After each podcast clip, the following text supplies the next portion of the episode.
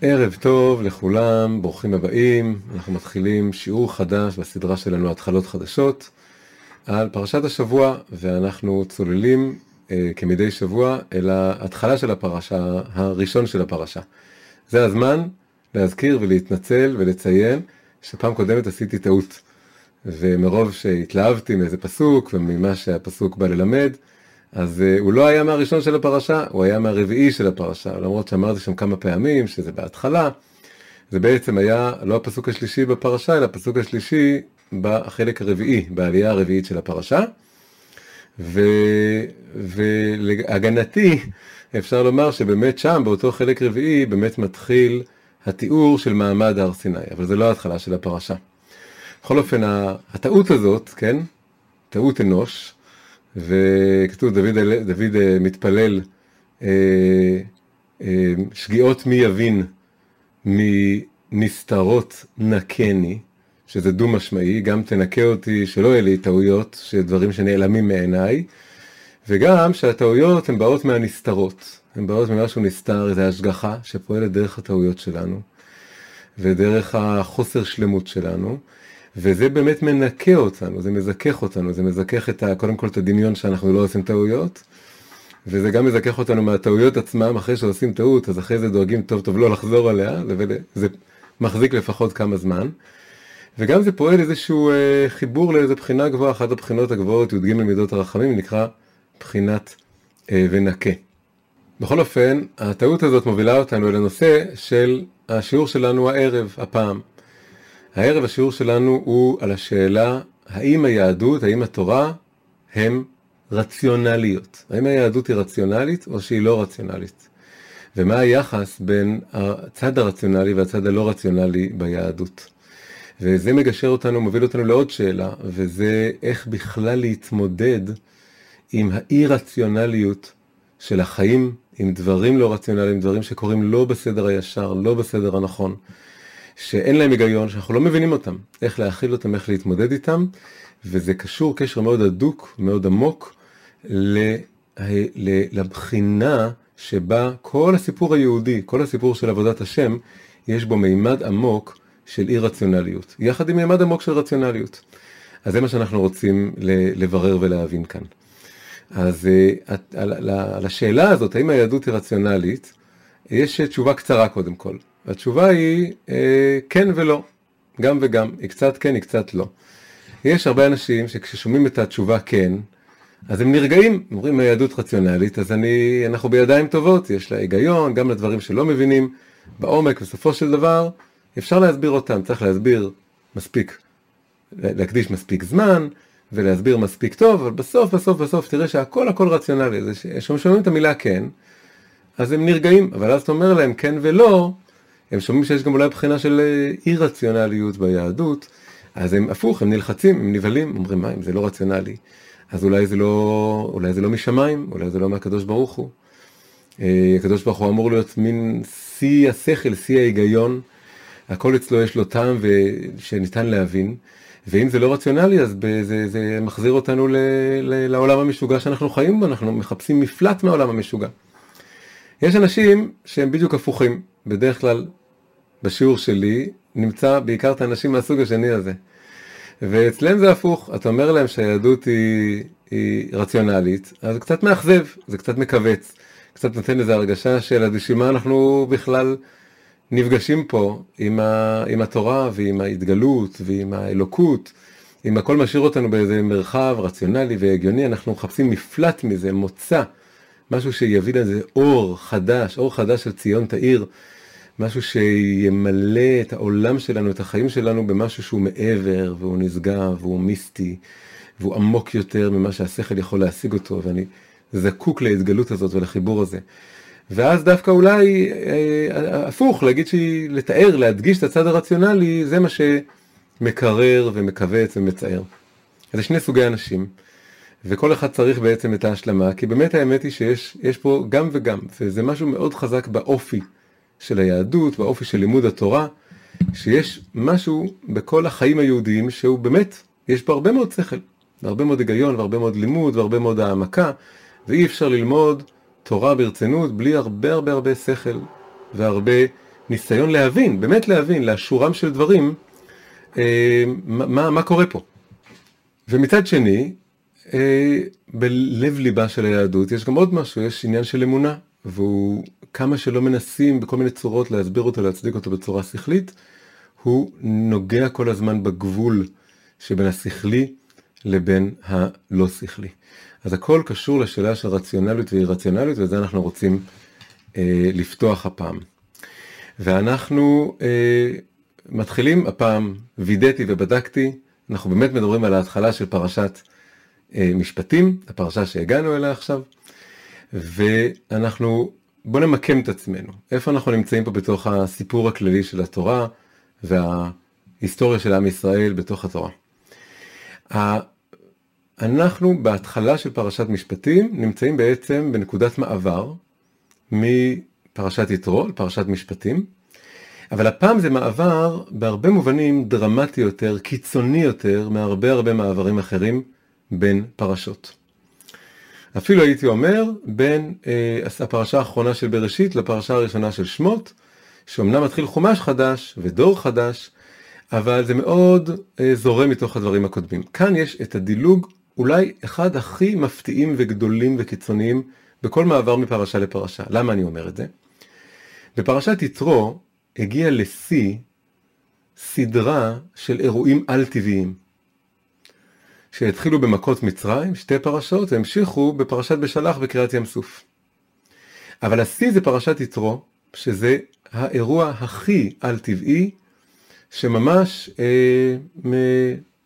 הארץ רועשת והעולם מתהפך באיזשהו מקום, השמיים נקרעים ונפתחים, הקדוש ברוך הוא יורד לתוך העולם ומתגלה בהר סיני ושומעים אותו בקולו שלו אומר את הדיברות. חז"ל אומרים רק שתי הדיברות הראשונות ו, ומהפשט נשמע שזה הכל, מה שכך או כך, הוא נכנס, חודר לתוך המציאות בקנה מידה חדש לגמרי, וגם מה שהוא מגלה, עשרת הדיברות זה דבר מונומנטלי כזה, כן? זה כורת ברית עם עם ישראל, ובאיזשהו מקום מתמצת את כל התורה כולה שעדיין לא ניתנה, לתוך עשרת המצוות העיקריות והגדולות האלה, עשרת הדיברות, שבכל העולם הפכו להיות שם דבר למשהו שמסכם את מהות ההתעלות הדתית של האדם, ו, וזה משהו מיסטי, משהו מרומם. כתוב שבכל דיבור ודיבור, כל דיבר ששמענו, פרחה נשמתנו וחזרה לשכון בגוף. עברנו חוויה מיסטית, קולקטיבית,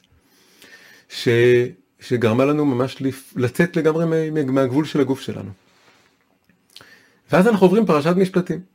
פרשת משפטים היא הפרשה הכי ארצית, לפחות בקונטרסט אל הפרשה שהיא באה אחריה. פרשה שנקראת פרשת דינים, זה ההתחלה שלה, ועסוקה פתאום בהמון המון המון חוקים. הרגשה שפתאום נכנסים לאיזה קורס בחוג למשפטים, ומתחילים לקבל המון המון חוקים. אנחנו עוד הולכים לקבל הרבה חוקים, אבל פה ה, ה, ה, זה הממטר הראשון של המון המון חוקים מאוד מאוד אנושיים. חוקים ארציים, חוקים שרובם עוסקים ביחסים של בן אדם לחברו, אה, דינים של עבדים ושפחות, דינים של פגיעה בגוף או ברכוש, ו, וכל מיני סוגים של שומרים, ולא לפגוע באנשים, לא לפגוע ביתום ובגר ובאלמנה, והלוואות, והשבת אבדה, ואחרי זה גם קצת עניינים בין אדם למקום, בשר וחלב, שבת. זה תופס את רוב הפרשה, בעצם חמש עליות מתוך שבע עסוקות בדבר הזה. אחרי זה שתי העליות האחרונות, שני החלקים האחרונים, זה כבר בעצם הכנה למסע לארץ ישראל, והכנה לזה שמשה עכשיו הולך לעלות להר סיני ל-40 יום, בעצם כדי להוריד את לוחות הברית ו, אה, ו, וללמוד את התורה ולקבל את ההוראות למשכן וכל מה, ש, מה שהוא לומד ב-40 יום האלה. אבל רוב הפרשה זה העיסוק בחוקים האלה. ואנחנו עוברים ממפגש עוצמתי, ישיר, עם השורש האלוקי של המציאות בפרשה הקודמת, אנוכי השם אלוקיך, קולות וברקים ורעמים, למרחב של פרטי פרטים, מצוות, מעשיות, ולא רק זה, אלא מצוות מאוד מאוד רציונליות. יש כידוע חלוקה ל... בין המצוות, הן מתחלקות לשלוש קטגוריות, שנקראים משפטים, עדות וחוקים. מה ההגדרה שלהם? חוקים זה הדברים הכי הכי לא מובנים על פי היגיון ושכל, כמו למשל בשר וחלב שציינו, כמו פרה אדומה, כמו כל מיני דברים שעליהם נאמר חוקה, חקקתי, גזרה גזרתי, אין לך רשות להרהר אחריה. לא רק שאין לך רשות שלא לקיים אותה, אלא אין לך רשות להרהר, כי באיזשהו מקום עצם ההרהור מתיימר להבין דבר שלא ניתן להבין אותו בצורה רגילה. ואז יש קטגוריה של עדות, ועדות זה אומר דברים שהשכל מסכים אליהם, הוא לא, הם, הם מגיעים, מופיעים מלמעלה כמין ציווי, כמו למשל לשמור על החגים. היה לנו נס, אז אנחנו מציינים חג לנס הזה, או הרגלים, זה דברים שלא הייתי מגיע אליהם לבד, אבל עכשיו שהתורה מצווה אותם, השכל מסכים להיגיון שבהם, מכיר בהיגיון שבהם. אבל אחרי זה הקטגוריה השלישית זה המשפטים, משפטים זה הדבר הכי הגיוני. משפטים זה דבר שלכאורה לא היינו צריכים את התורה בשביל להגיע אליו. אה, אני צריך את התורה בשביל לדעת שאם מישהו גונב אז צריך, אה, הוא צריך להחזיר, הוא צריך להעניש אותו, או שאם מישהו מזיק אז הוא צריך לפצות, כל מיני דברים כאלה. יש אה, אה, אה, היגיון שאני יכול להגיע אליו, ואכן כל חברה תרבותית ברחבי העולם מייצרת חוקים דומים, אולי לא בדיוק דומים, אולי לא בדיוק זהים, אבל הרבה מהחוקים בעולם יש בהם דברים משותפים, פשוט מהסיבה הפשוטה שהם פרקטיים, הם פרגמטיים. החברה תתפורר, תתפרק בלי המצוות האלה. אז המעבר כאן הוא באיזשהו מקום, יש ביטוי כזה מאיגרא רמא לבירא עמיקתא, בדרך אומרים את זה שבירא עמיקתא זה שלילי, כאן זה לא שלילי, אבל זה, זה הרגשה של נחיתה וקרקוע ומין אה, מהלומה מהמציאות, שאנחנו לא חיים רק במרחב מיסטי ושל דבקות, של יציאה של הנשמה מהגוף, של חיבור עם המימד הטרנסצנדנטי האלוקי של הקדוש ברוך הוא מעבר למציאות, אלא אנחנו חוזרים להיות בשר ודם, הנשמות אחרי שפרחו מהגוף חוזרות לגוף, וצריכים פה לנהל חברה, וצריכים לתת לה חוקים, וצריכים לשמור על יחסים בין אדם לחברו, עד לפרטי הפרטים שקשורים ברכוש שלנו. יש פה גם איזה אישור לעובדה שיש לנו בכלל רכוש שצריך לדאוג עליו, כן, אנחנו לא עכשיו מפקירים את כל הרכוש, כמו שהרבה אנשים בעולם שעברו חוויות מיסטיות, הגיעו למסקנה הזאת שאולי בעצם צריך לחיות בלי רכוש, או בלי חברה בכלל, לפרוש מהחברה, לחיות באיזה מדבר או בעל איזה עמוד. הרבה אנשים ברחבי העולם שחוו חוויות מיסטיות, אה, שמזכירות מה שמתואר לנו בפרשת יתרו, אז הגיעו למסקנה. פה אומרים לנו על הדרך, לא מה פתאום, חוזרים לחיים, חוזרים למציאות, יש רכוש, יש בית, יש גוף, יש בני אדם, וצריך חוקים ומשפטים שינהלו אותם. עכשיו אנחנו רוצים להתבונן בפסוק הראשון. הפסוק הראשון אומר, ואלה המשפטים אשר טסים לפניהם. ככה הפרשה מתחילה. אין פה רק משפטים, יש פה גם עדות וחוקים בפרשה, אבל רוב המצוות שמופיעות בפרשה הם באמת משפטים, לפי ההגדרה של משפטים, שזה מצוות שכליות והגיוניות. על המילה הראשונה, ואלה, רש"י בשם חז"ל, אומר, מביא מקור חשוב, הוא אומר ככה, כל מקום שנאמר אלה בלי ו', אז הלשון הזאת פוסלת התורה באה לפסול את הראשונים, את מה שנאמר קודם לכן. כלומר, אם נאמר אלה, בלי ו', הכוונה היא אלה, בניגוד לאלו שהיו מקודם. תשכח את אלה שהיו מקודם, עכשיו אני אומר לך את הדבר העיקרי והחשוב, תתמקד בזה. אבל בכל מקום שכתוב ואלה, עם ו' חיבור, הכוונה היא שהוא לא פסל את הראשונים, אלא מוסיף על הראשונים. הו' חיבור הזאת היא מאוד מאוד חשובה, היא מאוד קריטית, היא באה להגיד, אל תשכח את מה שהיה מקודם, זה מאוד חשוב, אבל עכשיו תתקדם אל הדבר החדש, ואנחנו רוצים גם וגם, גם את זה וגם את זה. העובדה שבמעבר הכי דרמטי בין פרשות, מפרשה שהיא הכי על-טבעית והכי מיסטית באיזשהו מקום, אל הפרשה שהיא הכי ארצית ומקורקעת ומלאת משפטים, ודווקא משפטים בעיקר, כלומר שהם שכליים והגיוניים, לפתוח אותה בו' חיבור כזאת במילה ואלה, זו אמירה מאוד מאוד חזקה. כן, יש עוד פרשות שמתחילות בו', אבל דווקא המילה ואלה עליה נאמר הדבר הזה, שזה בא להוסיף על הראשונים ולא לפסול. ובעצם הו' חיבור הזה הוא באמת ו', הוא כמו איזה קרס חיבור, כמו ו' שמחבר, תופר, לא רק את שתי הפרשות האלה, אלא את, את כל העולמות הרוחניים והמחשבתיים שהפרשות האלה מייצגות. הפרשה של עלייה או עמידה למרגלות הר סיני, עם הקולות וברקים, עם הרואים את הקולות, עם ה... עם ה אה, ההתגלות האלוקית הזאת, שאין כמותה ולא לא הייתה ולא תהיה כמותה, שלגמרי משדדת מערכות הטבע, כמו שאמרתי, השיא של כל הדברים העל-טבעיים, לבין כל העולם שקשור במשפטים, כושר השיפוט האנושי, היכולת ללמוד ולהבין ולחשוב ולהתבונן. אה, נמשיך רגע עם רש"י. אה, אולי בעצם עוד לפני אפשר להוסיף משהו, גם לחבר את זה לטעות שלי משבוע שעבר, כן? כי, כי מאיפה באה טעות כזאת? טעות כזאת באה מאי רציונליות, מזה שמתלהבים ולא בודקים. אבל רק כדי להראות שיש איזו השגחה ואיזה נקודה, חוץ מזה שכמה אנשים אמרו לי שזה בדיוק היה השיעור שהם היו צריכים לשמוע באותו שבוע, זה בוודאי משמח לראות שההשגחה עובדת, פועלת, חודרת לעולם דרך החורים בהשכלה או בשכל אה, של הרציונליות שלנו, אלא יש פה אפילו עוד איזה קשר יפה. דיברנו על כה תאמר לבית יעקב, שאמרנו שזה הצד הנקבי של התורה, ותגד לבני ישראל, שזה הצד הזכרי. אמרנו שהתורה הנשית, כה תאמר לבית יעקב, זה אה, לשון רכה, וזה ראשי דברים, דברים כלליים. ואחרי זה, כה תגיד לבני ישראל, זה דווקא הופך להיות דברים קשים כגידים, ודברים שקשים גם אולי יותר לשמוע אותם, דברים יותר ספציפיים. הפסוק הזה, שכמו שאמרנו היה בעצם באמצע הפרשה ולא בתחילת הפרשה, הוא ממש משקף את המעבר מפרשת יתרו לפרשת משפטים. אפשר להגיד שפרשת יתרו בכללותה היא יחסית כה תאמר לבית יעקב. יש בה משהו נשי יותר, רוחני יותר, כללי יותר. עשרת הדיברות זה כמו ראשי דברים, תיאור של חוויה מיסטית חזקה כזאת שכולנו באחדות, זה קצת כמו לשון רכה. חבר שלי גילה השבוע שלשון רכה, הביטוי הזה, לשון רכה, זה גימטריה תורה.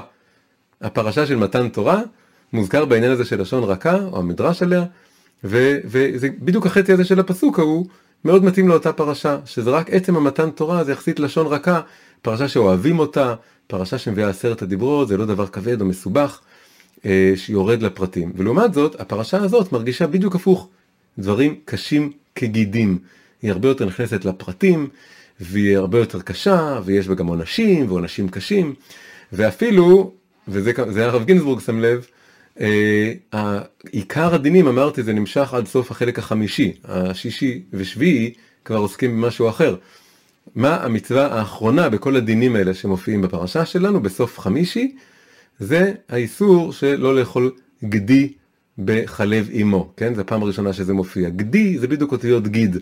אז יש פה איזו הרגשה שיש פה המון דברים קשים כגידים עד, ועם ה- ה- הנקודה האחרונה שם, נקודת סיום, זה באמת האיסור של גדי בחלב אמו, גדי אותיות גיד, זה עוד איזה רמז קטן, ש- שהפסוק ההוא מהפרשה הקודמת, בית יעקב, בני ישראל, הנקבה והזכר, הראשי דברים והפרטים, זה בדיוק מקביל למעבר בין שתי הפרשות האלה. אז זה עוד פעם החיבור הזה שרש"י אומר לנו כאן, כל מקום שנאמר אלה פסל את הראשונים, ואלה מוסיף על הראשונים מחבר בעצם גם שתי הבחינות האלה, הזכרי והנקבי, הכללי, וה... שיורד לכל הפרטים. רש"י ממשיך. רש"י ממשיך ואומר, אה, אה, מה הכוונה שאנחנו באים להוסיף ולחבר, מה, מה, למה בעצם יש את ה"ואלה" הזה, למה התורה מתחילה את הפרשה במילה הזאת וכל כך באה לחבר אותם? היא בעצם באה ללמד אותנו, הוא אומר שני דברים. רש"י מביא עכשיו שני אה, טעמים מה החשיבות של החיבור הזה של ה"ואלה". אז הראשונים, הוא, התשובה, התשובה הראשונה שהוא אומר זה, מה הראשונים מסיני, אף אלו מסיני. כמו שעשרת הדיברות וכל מה שלמדנו בפרשה הקודמת, שנאמרו סביב המעמד הכל כך מיוחד ועל טבעי הזה של מעמד הר סיני, ואז זה מאוד ברור לי שזה משהו על טבעי ואלוקי, והקדוש ברוך הוא מדבר בעשרת הדיברות, וכל ילד ב, ב, ביהדות, בתרבות המערב, יודע בעל פה את עשרת הדיברות, ויודע שזה משהו גדול. הרבה מאוד נוצרים באמריקה מצהירים שהם מחויבים לעשרת הדיברות. למה? זה בא מסיני, הקדוש ברוך הוא אמר את זה. אבל תדע לך, אומרת, אומרת המילה הזאת, ואלה, גם אף אלו מסיני. אל תדמה בנפשך לחשוב שאולי בגלל שכל הדינים והפרטים האלה והמצוות הנורא ספציפיות האלה הן כל כך אנושיות ושכליות והגיוניות, אל תדמה לחשוב שהם לא, אה, אין להם מקור אלוקי בדיוק כמו השבת והלא תרצח ואנוכי השם אלוקיך ובכלל כל המיסטיות ועל טבעיות של הדברים הקודמים. זה הדבר הראשון שהוא אומר, כן? יש איזו סכנה במעבר, בדילוג מיתרו למשפטים, לשכוח את החוויה אה, אה, של ההתגלות האלוקית. והוא, והמילה הזאת, ואלה אומרת לך, אל תשכח את החוויה הזאת. ת, תמשיך לדמיין שאתה עומד למרגלות הר סיני. תמשיך להרגיש שהקול האלוקי עדיין בוקע, אתה עדיין בהר, עדיין במעמד. אפילו שאתה קורא את כל הפרטים של הפרשה הזאת, עם כל המצוות, עם כל העונשים וכל הדינים, אתה צריך, החוויה של העמידה בהר סיני, עם חוויית ההתגלות שבה, צריכה להמשיך לחלחל ולהיכנס גם לתוך הפרשה הזאת. אז זה מדגיש איך הצד המיסטי והעל טבעי צריך להיכנס לתוך הפרשה הזאת. אז הדבר השני שרש"י אומר, הוא בעצם הולך לעשות הפוך, הוא הולך עכשיו להגיד לנו שעכשיו צריך לקחת את כל הצד של המשפטים והפוך, גם להזיז אותו אחורה, לחבר אותו עם הצד המיסטי והקשר, המפגש הזה האישי עם הקדוש ברוך הוא שלנו בפרשה הקודמת. מה הדבר השני שרש"י אומר? הוא אומר למה נסמכה פרשת דינין לפרשת מזבח. הדבר האחרון שהיה בפרשת יתרו היה התיאור של המזבח ואיך הכהנים צריכים לעלות במעלות המזבח. אז הוא שואל רש"י, למה דווקא הפרשת דינים, כמו שאמרנו, הרוב, העיקר של הפרשה שלנו, משפטים, למה זה צמוד עם המילה ואלה לפרשת מזבח? לומר לך שתשים סנהדרין אצל המקדש. המזבח שייך למקדש, כל הפרשה שלנו עם הדינים בעצם מכוונת לשופטים, לדיינים, לאנשי הסנהדרין, שצריכים לעשות משפט צדק וצריכים לדעת את כל החוקים והמשפטים. ובעצם יש כאן אמירה שאכן עם ישראל קיים אותה, שהסנהדרין, הבית דין הגדול, הוא לא, הוא לא סתם קובע לעצמו מקום אחר בלי קשר לבית המקדש, הוא חייב להיות בבית המקדש, צמוד לבית המקדש. אתה חייב שהדברים האלה יהיו מחוברים. המקום של הפולחן הדתי נקרא לזה, המקום של המפגש עם האלוקי, ששם השכינה שורה, ששם יוצרים קשר עם הקדוש ברוך הוא דרך קורבנות ותפילה והשירים של הלוויים, כל הדבר הזה צריך להיות משיק וסמוך אל העולם של המשפט והשכל וה... ואנשים שבאים לשפוט אה, גם עבירות בן אדם לחברו, אנשים באים אל השופט, היה אפשר לדמיין שיש, אה, כמו שיש, אה,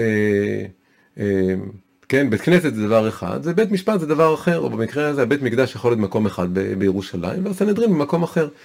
אבל במילה הזאת ואלה שפותחת את הפרשה שלנו, יש כאן בעצם איזה מין אמירה שהעולם הרציונלי והשכלי והשיפוטי שבו אנחנו, כלומר שכושר השיפוט שלנו פועל שם בשעות נוספות, הוא עומד במרכז, חייב להיות כל הזמן מחובר עם המימד והמקום הכי מיסטי של בית המקדש, קורבנות והניסים שמתלווים לכל הדבר הזה בבית המקדש.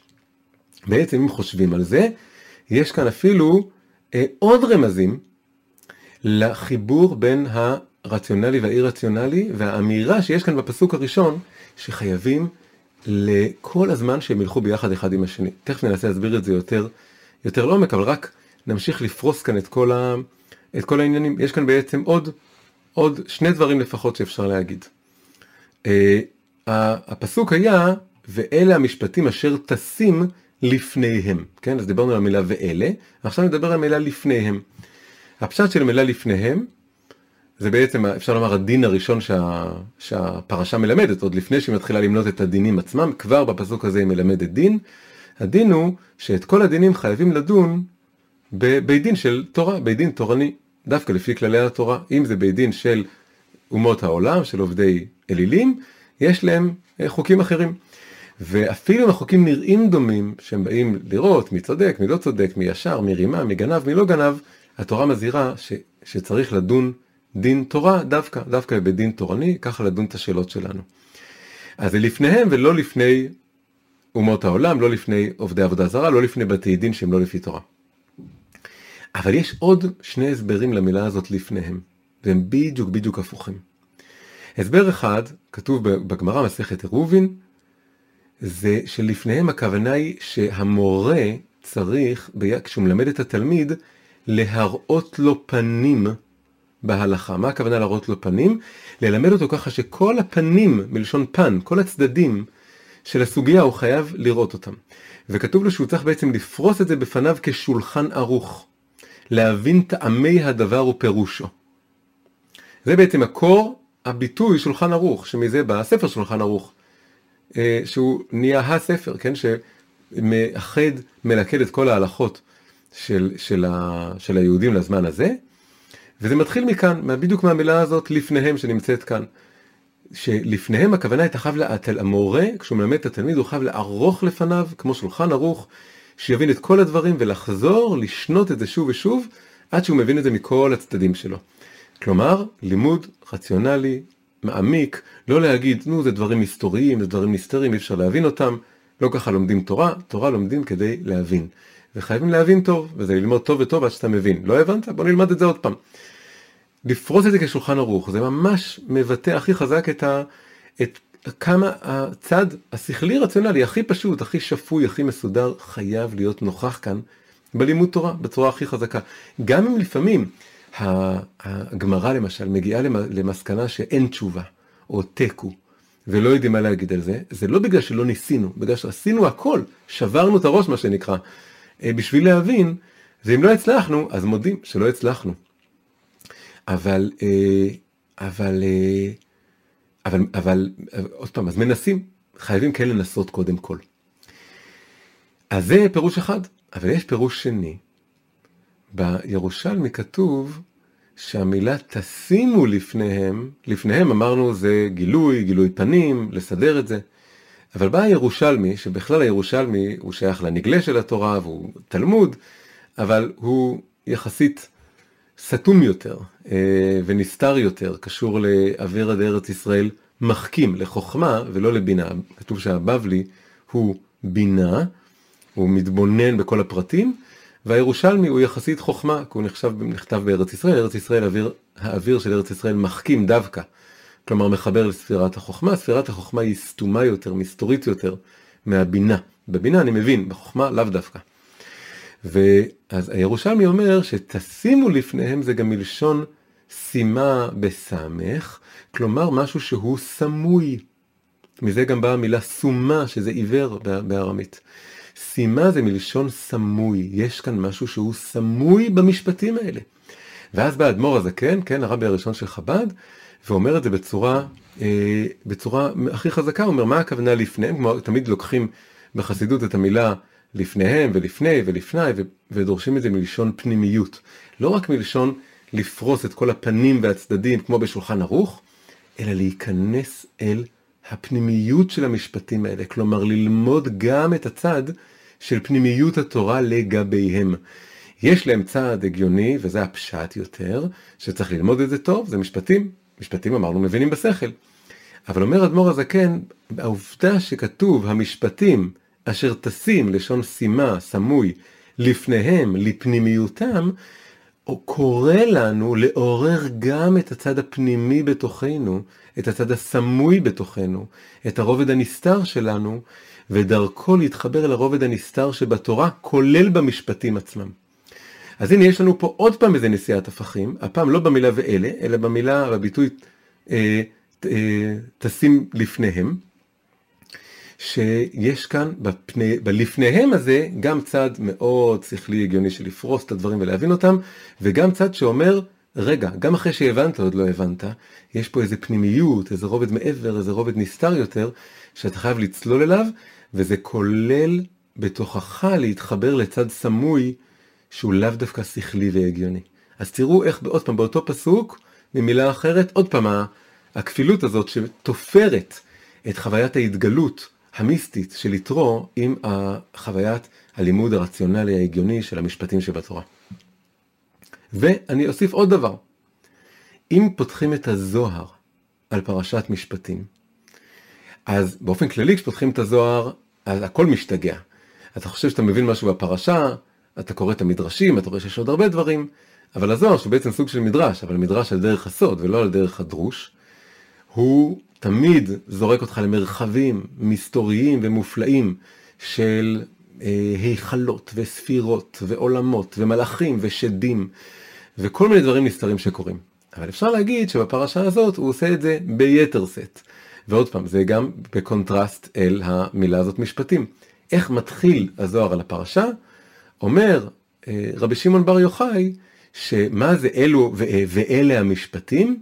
הוא אומר זה רזא דגלגולא, סוד הגלגול, גלגול נשמות. גלגול נשמות אולי מתוך כל הדברים בקבלה שהיא כולה מסתורית ונסתרת ועסוקה ברובד הנסתר, זה אולי הדבר הכי מסתורי. זה קשור לזה שהנשמה יכולה להתגלגל מגוף לגוף, מחיים לחיים, בלי שהיא זוכרת בכלל שום דבר מהגלגול הקודם, או תזכור בגלגול הבא, ואף על פי כן זה נקרא אותה נשמה. עצם המילה גלגול מחוברת לדבר שהוא אולי המשל הכי פשוט בקבלה, אל הרובד המיסטי שבאדם, וזה הגולגולת. הגולגולת היא שומרת על המוח, אבל היא, לפי הקבלה מסבירים תמיד שהגולגולת היא בעצם איזה מין משל, האנטומיה הפיזית היא כמו הקרנה או משל או מטאפורה לעניינים רוחניים, או למין אנטומיה רוחנית, ואז מה זה הגולגולת שהיא מקיפה את ושומרת על המוח מסביב לו, היא בעצם רומזת או מסמלת, היא משל לרבדים שמעל המוח, שמעל השכל, שמעל הרובד הרציונלי. אז העובדה שדווקא על המילה הזאת משפטים, שקשורה לכושר השיפוט, שקשורה למשפטים בניגוד לחוקים, שקשורה לדברים הכי הגיוניים, על זה בא רשב"י, ובלי להתבלבל, אומר, אה, זה הגלגולים, הכוונה היא לגלגולים, אתה חושב שמשפטים זה מלשון לשפוט ולהבין ובשכל, אני אומר לך בדיוק הפוך, תעלה מהמוח לגולגולת, אל הגלגולים, אל הרובד הכי נסתר, זה קשור בדיוק לפרשת משפטים, ואז כמו שהוא אומר את הדבר הזה, זה גם מתחיל לקרות, פתאום מתעברת בו נשמה של איזה זקן מסתורי, ואז מתחיל אחד הקטעים הכי מסתוריים בזוהר, שנקרא הפרשת סבא דמשפטים. סבא דמשפטים, יש פעמיים בזוהר שמופיעות שתי דמויות שנראות פשוטות, אה, אה, לא חכמות, שלא מבינות שום דבר, ואז מתגלות כבעצם נשמות עצומות שמלמדות את סודות הקבלה יותר, שהן יודעות דברים שכל רשב"י וחבורתו, כל העשרה, אנשי המעגל של, ה, של ספר הזוהר, אה, לא יודעים אותם. פעם אחת זה שיש איזה תינוק ינוקה, איזה ילד קטן, שחושבים שהוא ילד קטן, אבל מסתבר שיש לו בעצם ראייה עצומה והוא יודע, הוא מתחיל ללמד קבלה את כל המבוגרים. והפעם השנייה זה בפרשה הזאת, שמופיע סבא, אגב עצם הדימוי של סבא רומז למשהו באמת מעל השכל, התינוק רומז למשהו למטה מהשכל, מה שבא מהרגש מלמטה. הסבא הוא רומז לדבר שהוא מעל השכל, הסבא, השכל נקרא, דיברנו על חוכמה ובינה, חוכמה ובינה משול בקבלה וחסידות לאבא ואימא. החוכמה זה כמו הזרעים, זה כמו האבא, הבינה שמתבוננת זה כמו הרחם שמפתח את הזרעים האלה, זה כמו האימא. אז איפה הסבא? הסבא הוא בגולגולת, בגלגולים. אז את הפרשת הגלגולים של הזוהר מגלה אותה איזה סבא אחד שבהתחלה נראה איש פשוט וטיפש ושמדבר דברים סתומים ולאט לאט מסתבר שהוא איזה נשמה מעולם האצילות הוא מתחיל לגלות סודות ואיך הוא מגלה אותם אגב בשורה של חידות. הוא מדבר ממש בחידות שעוד פעם תלמידיו של רשב"י בעצמם לא יודעים את התשובות עליהם. ואחרי זה יש המון המון פירושים על התשובות האלה בגלל שלא עונים עליהם, הזוהר אפילו לא עונה עליהם. זה קטע מאוד ארוך בזוהר, סבא דמשפטים. אז, אז עוד פעם, יש לנו פה עוד דבר, שבו ה, אה, התחילה של הפרשה דווקא, ואלה המשפטים, תופר לנו, מחבר לנו ב, בכל מיני צורות את הרובד המיסטי הלא רציונלי עם הרובד הרציונלי. עכשיו מגיע פירוש שבעצם מסביר לנו את כל הדבר הזה בצורה שהיא מאוד מאוד הופכת להיות דבר שנוגע בנו, ונוגע בחיים שלנו, ונוגע בהתמודדויות שלנו, ונוגע בכל היחס שלנו אל, אל מה שאפשר לקרוא היהדות שלנו, הקשר שלנו אל היהדות, הקשר שלנו אל, אל השם, אל עבודת השם. בא הרבי מלובביץ' ואומר דבר שהיה אצלו מאוד יסודי, הוא חזר עליו כמה פעמים. הוא אמר, כל, והוא למד את זה מהפרשה הזאת, הוא אומר, הקישוריות הזאת, כל הקישוריות האלה שראינו, בין יתרו למשפטים, בין העל טבעי לטבעי, בין האלוקי לאנושי, בין המיסטי לרציונלי. זה בא ללמד אותנו דבר נורא נורא יסודי בעבודת השם. והדבר הזה הוא שכאשר אנחנו לומדים את המשפטים שבתורה, את החלק ההגיוני, וכאשר אנחנו גם מקיימים את המשפטים, אנחנו צריכים, למרות שזה הגיוני ומובן ויש לזה טעם, אנחנו צריכים לקיים אותם כאילו שהם חוקים לא הגיוניים. אנחנו צריכים לזכור שאף על פי שהם מתקבלים על הדעת, ואני יכול להבין אותם, אני יכול לראות דרכם כמה יהדות היא חכמה והגיונית וצודקת, אני באיזשהו מקום כשאני בא לעשות אותם, אני לא משם אני צריך לפעול. אני צריך לפעול מזה שאף על פי שזה משפט ולא חוק, יש צד שכל התורה כולה נקראת חוקה, בדרך כלל מדבר על זה או פרשת משפטים או פרשת חוקת, כן? זה, זה בדיוק שתי הפרשות שקשורות לעניין הזה. אני צריך לחשוב שגם המשפטים הם בסופו של דבר הם חוקים. כי הקדוש ברוך הוא לא בא ומתגלה ואומר דברים שהי באמת הייתי יכול להגיע אליהם לבד. גם אם נראה לי שהייתי יכול להגיע אליהם לבד, ו, ועל פניו, הנה, יש תרבויות אחרות שהגיעו לאותה מסקנה. העובדה שזה נמצא בתורה, וזה ירד מפיו של הקדוש ברוך הוא, אומרת שבהכרח יש כאן מה שאומרים באנגלית more than meets the eye, יותר ממה שאתה רואה, יותר ממה שעין השכל שלך רואה. יש פה עוד איזה עומק מיסטי ואין סופי ואלוקי ופלאי שאתה חייב להאמין ולחבר את עצמך אל ההרגשה שהוא קיים שם ולהתמסר לזה באיזה מין קבלת עול כאילו זה חוק שאתה לא מבין אותו. כלומר אתה צריך לקחת את, ה, את האור ואת החוויה של העמידה למרגלות הר סיני של פרשת יתרו, ההרגשה שהנשמה פורחת מהגוף, שאני עומד מול משהו אין סופי, שלא מתחבר אל הסופיות של השכל שלי, ולהחדיר אותה, להכניס אותה לתוך פרשת משפטים, ולתוך כל המשפטים בכללותם, ולקיים אותה מתוך התחושה הזאת. הוא גם מדבר על זה שבאמת רואים עוד, עוד רמז, לאו דווקא בפסוק הראשון, אבל עוד רמז שהכל חייב להיות מחובר אחד לשני, שגם בפרשה הקודמת בעשרת הדיברות היו משפטים הגיוניים, וגם בפרשה הזאת יש חוקים לא הגיוניים. מה הדוגמה הכי מובהקת למצוות הגיוניות בעשרת הדיברות? לא תרצח, לא תגנוב, לא תנאף. דברים מאוד הגיוניים. עוד פעם, שזה אפילו אפשר להגיד, למה, למה צריך שהתורה תרד כדי להגיד לי את הדברים האלה? זה לא אנוכי השם אלוקיך, זה לא לא תישא שם השם לשווא, זה לא שבת, זה לא תרצח, מה, בשביל זה אני צריך התגלות? אבל כנראה שיש כאן יותר מאשר הכלל הפשוט שכל חברה בעולם חייבת לאמץ אותו, אחרת היא לא תחזיק מעמד, שאנחנו צריכים לא לפגוע אחד בשני.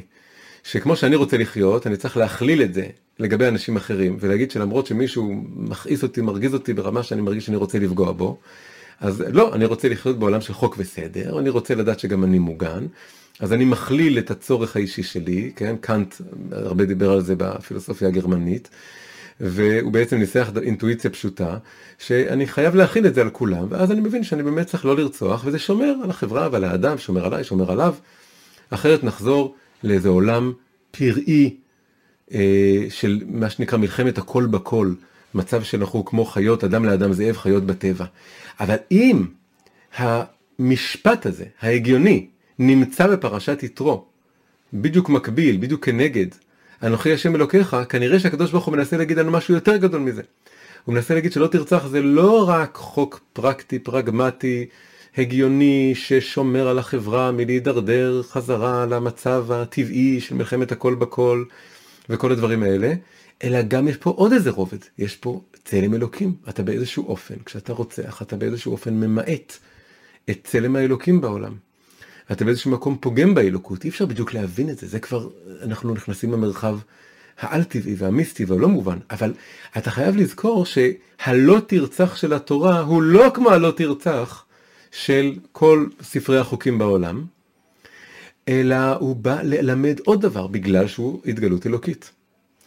ואחרי זה אותו דבר, יש לך אה, אה, חוקים בתוך פרשת משפטים, כמו מה שהזכרנו, בשר וחלב. הדבר הזה מופיע בפרשה שלנו, גם כן כדי ללמד אותנו, שלשים אה, את זה ברצף אחד, כן? או פתאום איזה איסור לא להרוג מכשפה, מה פתאום הדבר הזה נכנס ולמה להרוג אותה? יש כמה, כמה דברים, בתוך כל החוקים ההגיוניים, פתאום נופלים לשם כמה דברים פחות הגיוניים.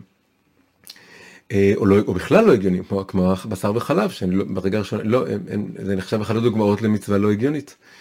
ושם זה מופיע גם כן תלמד אותו דבר, שפה במשפטים אתה חייב להיזכר, להזכיר, להעיר, להביא לכאן את האור של פרשת יתרו, של ההרגשה שאני, יש מה שאני לא מבין אותו בכלל, כן? מי שהרבה חזר על זה ואמר את זה בכל מיני צורות, זה היה אה, רבי נחמן מברסלב, שהוא, אה, סליחה, לא, הבעל שם טוב. שהבעל שם טוב אמר, שאיך הוא פירש את הפסוק תורת השם תמימה, משיבת נפש, שמתי, בדרך כלל מסבירים, התורה היא משיבה את הנפש כשהיא תמימה, כשאתה לומד את כולה. אבל בעל שם טוב אמר הפוך, אין כזה דבר ללמוד את כולה. היא משיבה את הנפש שלך כשאתה נזכר עד כמה, לא משנה כמה למדת, היא נשארת תמימה, שלמה, כמו איזה עוגה שפרסתי ממנה הרבה פרוסות, אבל היא עדיין שלמה באיזה אורך פלא. אני לא מבין אותה. אני חייב לעמוד כל הזמן מול ההרגשה שיש פה איזה עדיין אין סוף חוכמה ואמת וידע שאני לא מבין אותם. האמירה הזאת של הרבי, הוא לא סתם הדגיש אותה כל כך בתקופה שהוא חי, מתי הוא חי? בחצי השני של המאה ה-20. פעל, כן, הוא בעצם חי, אפשר פחות או יותר את כל המאה ה-20, אבל הפעילות שלו וההדגשות האלה הם בחצי השני, ש... אבל בכלל אפשר להגיד במאה ה-20, שהרבה מאוד יהודים, כולל יהודים מאמינים, שומרי מצוות, מאוד נמשכו ונמשכים אחרי תפיסה שבעצם גישה מה שקוראים רציונליסטית ליהדות. הגישה הרציונליסטית של היהדות אומרת שהצלם האלוקים שלנו, עיקר מה שמבדיל אותנו מבעלי חיים ומה שנבראנו, והדבר הזה שנקרא צלם אלוקים זה לא דבר מיסטי ומסתורי וחיבור אל הנסתר והנשגב והפלאי, אלא זה השכל שלנו, זה הצלם אלוקים.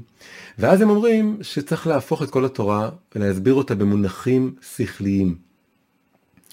אחרי זה זה גם מתחבר לזה שבמציאות של היום, כשהעולם כשה, אה, מוצף באידיאולוגיות, מה שנקראות מאוד פוסט מודרניות, שהפוסט מודרניות הם השק... מערכת השקפות שנראית שהיא כופרת בהמון המון דברים שהיו תמיד מובנים מאליהם, פשוטים, הגיוניים, שכליים, ואומרת שאולי אין אמת ויש נרטיבים וזה בעצם רק מערכות משחקי כוח או משחקים של שולט נשלט והם אלה שיוצרים ומכתיבים את האמיתות השונות וגם הולך ומערער דברים שנראים פשוטים והגיוניים שיש זכר ונקבה אמ, כל מיני דברים כאלה מערערים אותם וזה נראה שהם הולכים ומשגעים את העולם ככה הרבה אנשים חווים את זה.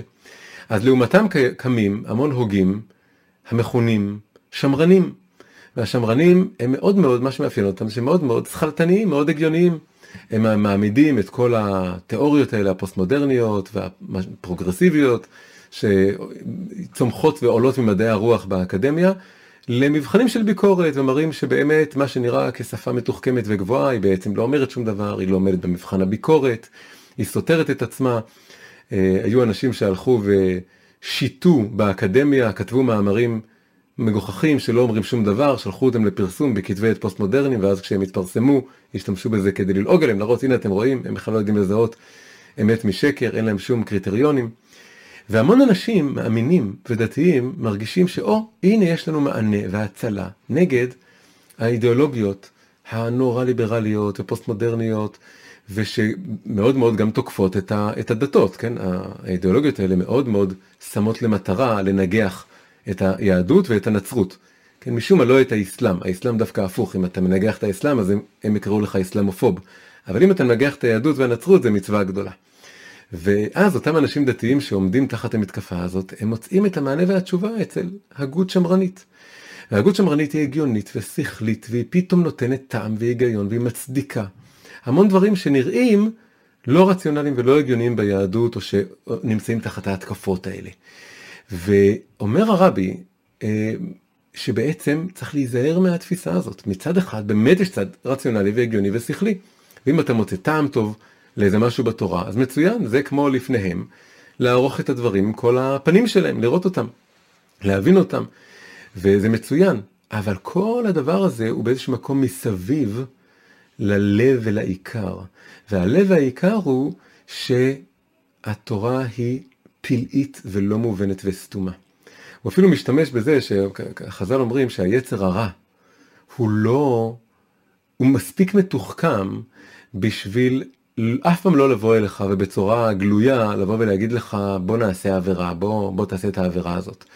הוא בא הפוך, הוא פשוט מתחיל בלקרר אותך ולהפוך את התורה למשהו מאוד מאוד שכלי והגיוני. ברגע שהוא עושה את זה, אז הוא לא, לא עברת שום עבירה, אבל הוא ניתק אותך מהמקום של התמסרות באופן של קבלת עול וחיבור לתורה כחוקה שנגזרת מלמעלה ואין לי רשות להרהר אחריה. והוא, וה, והרבי טוען פה, שגם המשפטים שאני בהחלט צריך להבין את ההיגיון שבהם, כשאני מתמסר אליהם בפועל אני צריך לגשת אליהם כאילו אין לי רשות להרהר אחריהם בגלל האינסופיות והפלאיות שלהם. אז שיצר הרע מצליח להפוך את זה להיות כזה רציונלי ושכלתני, אז אחרי זה כבר יהיה לו קל יותר לבוא ולהגיד, עכשיו תראה, יש עוד כמה שיטות רציונליות והגיוניות, ותראה, מגיעות לאותו, לאותה תוצאה. אז בוא תשווה ביניהם, אז אתה מתחיל להשוות, אחרי שאתה משווה אתה פתאום אומר רגע אז בוא, בוא רק נשמור על החלקים הרציונליים, למה אני צריך את החלקים הלא רציונליים, למה צריך את הבשר והחלב, אני אשאר רק עם הלא תרצח ועם הצדק חברתי ועם אה, אה, דינים של פיצויים והלוואות ודברים כאלה ואת זה אני אקח ואני לא אקח את הדברים האחרים וככה וזה, הדברים האלה קורים, קורים וגלויים. אז למרות שזה קורה לכאורה באגף היותר שמרני ומרכאות ימני או פרו-דתי של המתרס הפוליטי היום, יש פה איזה זיהוי שבעומק זה ניתק אותך מאיזה שורש עמוק מאיזה לב, זה שבר, מחק את הוו חיבור של ה"ואלה", שתופר ומחבר את פרשת משפטים וכושר השיפוט האנושי והשכל האנושי עם פרשת יתרו, שפשוט עומדת באיזה פליאה והשתאות מול אור אינסופי לא מובן. זה לא הגיוני. ו- וככה מקבלת את התורה. וכשמחקת את הוו חיבור הזה, אז באיזשהו מקום הדרך היא אולי לא קצרה, אבל יותר קצרה או פחות ארוכה, ללשכוח את פרשת יתרו, לייתר את יתרו קצת, ולהישאר רק עם המשפטים, כן? על מה שהפרשות האלה מייצגות ומסמלות. אז זה משהו מאוד מאוד אה, אה, חזק ומעניין. כלומר, עולם השכל בעצם, אפשר להגיד שהשכל בכלל, יש פה איזה משהו שהוא... אה, קצת חרב פיפיות כזה, או משהו שיש לו שני צדדים, כן? אה, יש הסבר כזה בחסידות שיש בעצם שלוש נפשות באדם. יש את הנפש הטבעית, או הבהמית כמו שהיא נקראת, נפש ארצית, והיא נפש של באמת תשוקות ותאוות, ו- והיא מחפשת כבוד, היא מחפשת אה, מימוש עצמי אה, אנוכי וכל מיני דברים כאלה. ואז יש רובד שנקרא נפש שכלית, שזה בדיוק הרובד שפועל כשאני לומד פרשת משפטים לעומק, או כשאני מהרהר פילוסופית על העקרונות והרעיונות שהתורה מבטאת אותם, כמו שההגות השמרנית אוהבת לעשות. ואז יש את הנפש האלוקית. הנפש השכלית, שהיא זאת שמחוברת באמונה למעלה מטעם ודעת לתורה. הנפש השכלית היא בוודאי הרבה יותר טובה מהנפש הבהמית, כן? היא, היא, היא מחז... מזכירה לי ומחזירה לי את קומת האדם שבי. היא מעלה אותי מעל מקום שהוא בעצם פועל לפי כל מיני, נמשך לכל מיני כיוונים שהם לא הגיוניים, הם לא טובים לטווח הרחוק, הם אה, אה, קצרי אה, ראות, הם לא אה, פועלים לפי גחמות בעצם, או לפי מה שנחשב טוב בחברה, אבל לא באמת מה שמועיל לחברה. והנפש השכלית מעלה אותי מכל הדברים האלה. אבל הנפש השכלית, יש גם צד שהיא יכולה לפעול כמשהו שמסתיר או חוצץ. בטיפוס אל הנפש האלוקית. כלומר, צריך להיות פה עוד איזה דילוג, באיזשהו מקום הדילוג יותר גדול. הדילוג מהשכלית אל האלוקית הוא יותר גדול מהדילוג מהנפש הטבעית אל הנפש השכלית, אבל הוא הדילוג שמחבר אותי עם, ה... עם הקדוש ברוך הוא, שבעצם אליו אני פונה בכל ברכה על כל מצווה. ברוך אתה השם אלוקינו מלך העולם, כדי להיזכר שאפילו המצווה הכי הגיונית בעולם היא מגיעה מה... מה, מהמקום הזה, מהשורש הזה. עכשיו, אה, אה, נחבר את זה עם מה שאמרתי בהתחלה, וגם עם מה שהזכרתי, הנושא של הגלגולים. כן, קצת כדי, מכיוון שהזכרתי פה את הנושא המעניין של הגלגולים, שב, שרשב"י בזוהר מזכיר את הנושא הזה, וזה, עם כמה שגלגולים זה דבר מוזר או משונה, זה גם עוזר לנו לחבר אה, את כל, כל מה שלמדנו עכשיו בעצם, עם, עם השאלה של התמודדות עם אי רציונליות בחיים שלנו. אנחנו, השילוב הזה של רציונליות ואי רציונליות, או רציונליות ומיסטיקה, או משפטים ויתרו, הוא בין השאר מתרגם לזה שבחיים אנחנו צריכים מצד אחד לשאוף כל הזמן לנהל את הדברים בצורה הגיונית, שזה גם אומר בצורה צודקת. לעשות צדק, לעשות צדק ומשפט. משפטים טובים ונכונים. פרשת משפטים נקראת פרשת דינים, היא נאמרת לדיינים, דיינים צריכים לעשות צדק וצריכים אה, לנהל את העולם בצורה הכי הכי טובה, וזה אומר הרבה הרבה שכל, הרבה מחשבה, הרבה היגיון. ואנחנו מאוד שואפים ומנסים לבנות מדינות עם חוקים ומשפטים שישמרו על הצדק וינהלו את זה גם בחיים הפרטיים וגם בחיים של המדינה והעם ובכל מקום, לנהל את הדברים בצורה הכי צודקת. אבל לא תמיד זה מצליח. ולפעמים קורים טעויות, קורות טעויות, ולפעמים קורים אסונות, ולפעמים קורים דברים לא נשלטים, והדברים האלה יוצרים מצב שהמציאות אין בה חוק וסדר ומשפט. ולאנשים טובים קורים דברים רעים, ואנשים טובים נפגעים ומתים על לא עוול בכפם. ופה אנחנו עוד פעם צריכים את שני הצדדים, אנחנו צריכים עכשיו לדאוג, להשתמש בזה, למנף את זה, כדי לעשות יותר צדק ויותר משפט, ולדאוג שהדברים האלה לא יחזרו על עצמם. אבל יש גבול לכמה זה אנחנו יכולים להצליח בדבר הזה, ויש גבול לכמה אנחנו מצליחים בפועל. ואז בפועל קורים האסונות האלה. או שזה קורה לאיזו אישה שנרצחת פתאום על ידי בעלה ואי אפשר להבין מה ולמה ולמה הגיע אליה. או שזה קורה לכל אחד מאיתנו שפתאום אה, קורה לו איזה אסון שהוא לא מבין למה זה קורה. לכתחילה מנסים לעשות הכל שזה לא יקרה, ואחרי זה גם צריך להעניש את מי שפגע, זה חלק מהמשפטים, התורה, הפרשה שלנו מביאה את העבירות, כולל אגב באמת לפגוע בגוף, לפגוע באדם, לפגוע בנשים, וגם את העונשים, יש ענישה. אבל מה עושים על הדברים שכבר נהרסו והתקלקלו ונפגעו, ואי אפשר להבין אותם. כשהדברים האלה קורים, כשהמציאות לא הולכת לכתחילה עם מה שהיא אמורה להיות, כל הבדיעבד של המציאות, כל מה שקורה לא כמו שרצינו ולא כמו שתכננו, בעצם מחזיר אותנו אל חוויית יתרו, אל החוויה של הפליאה וההשתאות והבהלה והרתיעה, גם זה היה חלק מפרשת יתרו. של העמידה מול בורא עולם אינסופי, שאנחנו לא מבינים את הדרכים שלו. וזה ה... זה גם קשור לפרשת משפטים, כי המשפטים זה הלכתחילה. תנסו כל מה שביכולתכם שהעולם יהיה צודק ושפוי והגיוני. תפעלו בבקשה את הדברים האלה. אבל אז ברווחים בין המשפטים, ובמקומות שזה נופל ונשבר ולא מובן, שם אתה חייב החורים האלה, הרווחים האלה שבין המקומות ההגיוניים שפועלים כמו שהם צריכים לפעול, חוזרים ובעצם פותחים אותנו אל כל האי-רציונלי שבחיים שלנו. זה כאילו שובר לי את, ה, את הראש, את השכל, ומחבר אותי אל הגולגולת, אל מה שמעבר לשכל. וזה מחבר אותנו לסיפור שאיתו אני רוצה לסיים. סיפור חסידי פלאי, מופלא, שבאיזשהו מקום אה, עומד בצורה מאוד עמוקה על הקשר הזה בעצם בא להסביר את הזוהר, שדווקא לפרשה הזאת ולפסוק ואלה המשפטים, אומר תדע לך פה זה עניין הגלגולים מסתתר. מה הקשר בין שני הדברים האלה? אז הסיפור הוא על זה שהמגיד ממזריץ', תלמידו של הבעל שם טוב, ואחרי זה גם ממשיך דרכו ומוביל לחסידות בדור הבא, כשהוא עוד היה צעיר יותר והיה תלמיד של הבעל שם טוב, הוא התקרב אליו. הייתה לו שאלה, הוא אמר לבעל שם טוב, אה, רבי, אני לא מבין, למה הזוהר, על הפרשה הזאת, פרשת משפטים, מתחיל בנושא של גלגולים. מה הקשר בין המשפטים, פרשת דינים, שופטים, דיינים, והדינים שצריכים ללכת לפיהם, לבין הנושא של גלגולים, מה, איך זה קשור? אז הבעל שם טוב עשה דבר שהוא הרבה פעמים היה עושה, הוא לא ענה לו, הוא אמר לו, אני לא, אני לא אענה לך, אני אראה לך. והוא שלח אותו למקום מסוים, שלח אותו לאיזה יער, לאיזה גדות נהר, הוא אמר לו, לך לשם, ותתחבא שם שש שעות. תסתכל, תסתכל מה קורה, אתה תקבל את התשובה לשאלה שלך. טוב, המגיד הוא חסיד טוב, לא שואל שאלות, הוא עושה מה שהרבי שלו אמר, והוא הולך לאותו מקום, אל אותו יער, מתחבא מאחורי עץ ומחכה. הוא מחכה, והוא רואה שמגיע איזה בן אדם אחד עשיר עם מרכבה, והוא עוצר את המרכבה, הוא רואה את הנהר היפה הזה, זה מקום נחמד לפוש בו ולהתרחץ בו.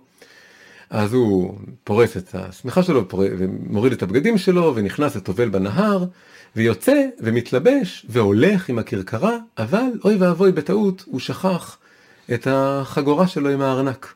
הארנק עם כל הכסף שלו, שכח את זה שם. עובר כמה זמן, מגיע אדם שני. אדם שני הוא דווקא אדם עני.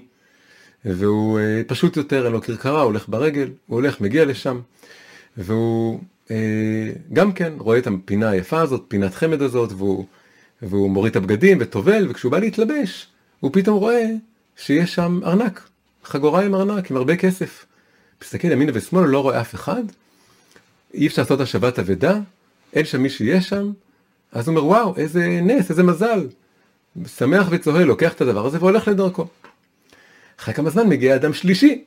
האדם השלישי, לא ברור אם הוא עשיר או עני, יש, יש גם יש כמה גרסאות לכל הסיפור הזה.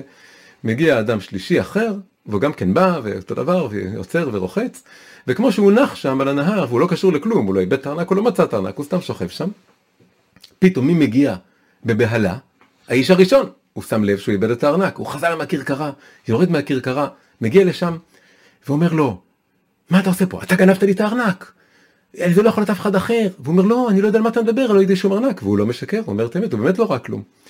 ואותו עשיר מתחיל להכות אותו, למכה אותו מכות נמרצות. ו... ו...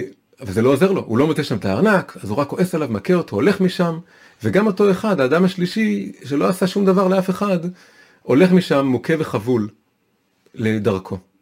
אז יש לנו בן אדם אחד שאיבד ארנק, והוא לא עשה שום דבר רע, סתם איבד ארנק, בטעות. יש לנו אדם שני, שגם לא עשה שום דבר טוב, הוא סתם מצא ארנק. ויש לנו אדם שלישי, שלא עשה שום דבר בכלל, וחטף מכות. אז אה, אחרי שהמגיד רואה את כל הדברים האלו, הוא חוזר אל הבעל שם טוב, והוא אומר לבעל שם טוב, אה, זה מה שראיתי, אבל אני, אני עדיין לא מבין איך זה קשור, איך זה עונה על השאלה שלי, על איך פרשת משפטים קשורה לנושא גלגולי נשמות, שזה מה שהזוהר אומר. אז הבעל שם טוב אומר, עכשיו אני אסביר לך. אומר, שני האנשים הראשונים שאתה ראית, הם בגלגול הקודם, הם עשו ביחד עסקים, הם הכירו אחד את השני, הם עשו ביחד עסקים. אבל האיש הראשון, שאתה ראית אותו בתור העשיר, הוא רימה את השני. הוא בעצם גנב לו המון המון כסף, גנב לו סכום מאוד מאוד גדול. ואז uh, השני התרעם, אבל זה לא עזר לו, אז הם הלכו ביחד לבית דין. וישב שם הדיין, והדיין הזה לא היה דיין טוב באותו רגע, הוא לא דן דין צדק, הוא לא מספיק הקשיב, הוא לא מספיק למד, הוא לא מספיק בדק. הוא עשה דין לא טוב, הוא פסק לטובת הרמאי, הוא אמר שהרמאי לא צריך להחזיר את הכסף לשני שהוא רימה אותו. ו, וככה, הם, וככה נגמר כל הסיפור שלהם שם, שאותו אחד, הרמאי הצליח, הלך לו, הוא גנב את הכסף, וה, והשני איבד את הכסף. וככה זה נגמר באותו רגע, למה? כי עוד פעם, יש משפטים שמצליחים ולפעמים זה לא מצליח, מה לעשות, היינו רוצים, אבל לפעמים יש, יש שופטים לא טובים, לא טובים, יש מצבים לא טובים. ועכשיו הם היו צריכים לחזור בגלגול הזה, והם מתחילים את הגלגול כמו שהם גמרו אותו, ההוא שגנב את הכסף מתחיל אותו עשיר, ההוא שגנבו לו את הכסף מתחיל אותו עני, אבל הכל התגלגל, כן, גלגול זה גם איך הכל משתלשל ומתגלגל משמיים, שבדיוק את אותו סכום כסף שהוא גנב לו, רימה אותו בגלגול הקודם, הוא שכח פה על גדות הנהר, והשני, שהוא אה, רימו אותו וגנבו לו, הוא עכשיו מצא אותו ולקח אותו ונעשה צדק ומשפט. לא דרך השופט, אלא דרך השופט של כל השופטים, השופט שמעל כל השופטים. הפלאי, הלא מובן, שאנחנו לא מכירים אותו, זה שראינו ביתרו, אבל לא פרשת משפטים, פרשת משפטים הוא נעלם. אבל פרשת יתרו היה מאוד נוכח, הוא בסוף דאג לעשות את המשפט הזה. ומה עם האדם השלישי, אותו אחד שחטף מכות על עוול בכפו, הוא אומר לו, זה היה השופט מהפרשה, מהגלגול הקודם. הוא זה ש, שלא עשה, לא שפט כמו שצריך, וגם הוא היה צריך לקבל את העונש שלו, זה עונש אחר. הוא היה צריך לקבל את המכות האלה, כדי שזה יזכך אותו באיזשהו אופן, יטהר אותו, יתקן את, את, מה שהוא היה, את, את הטעות הנוראית שהוא עשה, שבאותו גלגול השאירה אותם במצב, במצב הלא נכון שהם ככה סיימו את החיים שלהם.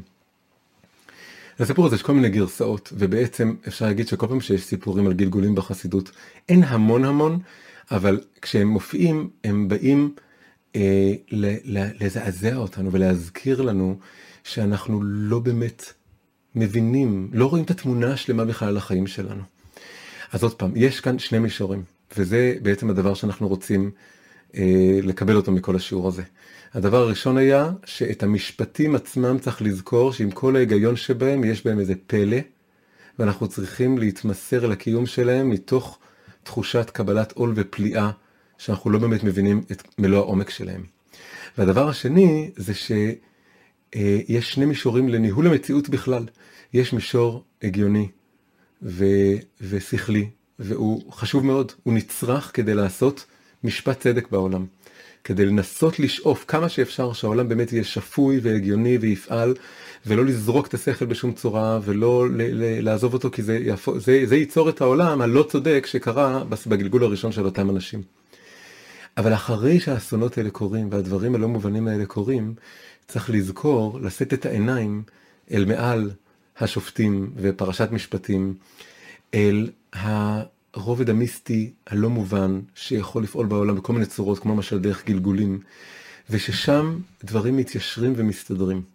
אפילו אם זה נראה מרתיע או מבהיל, זה בעומק, זה מזכיר ומחזיר לנו שיש מי שבאמת פועל ומנהל את העולם. העולם הזה הוא לא מופקר, הוא לא עולם של טרגדיה, הוא עולם שיש בו דברים סתומים וקשים שאנחנו צריכים לזעוק עליהם ולבכות עליהם. אנחנו בוכים מהצד שאנחנו רוצים כן להבין ולדעת. אבל יש עוד איזה רובד, וגם אותו רוצים, והוא הרובד של יתרו, של היותר, של המעבר, שפורס איזה חופה של אור על העולם הקשה שאנחנו חיים בו עם כל החוסר צדק, ועם כל הטרגדיות למראית עין שאנחנו חווים ורואים כאן. ומזכיר לנו שאנחנו לא רואים את כל התמונה. וכשאנחנו נזכרים בדבר הזה, אנחנו כמו פותחים איזה סדקים. והסדקים האלה נותנים לאור עליון לחלחל פנימה ולנחם ולהפיח תקווה ולהראות לנו שאנחנו, אה, אה, התמונה השלמה היא, יש לה מעבר למסגרת שאנחנו רואים, יש לה עוד מסגרת שלא רואים אותה, שהיא מסגרת של אור ומסגרת של אמת ומסגרת של טוב. ש, ש, שככה באמת העולם מתנהל בתוך האור הזה. אז זה מה שאנחנו רוצים אה, לקבל מפרשת משפטים השנה, השבוע.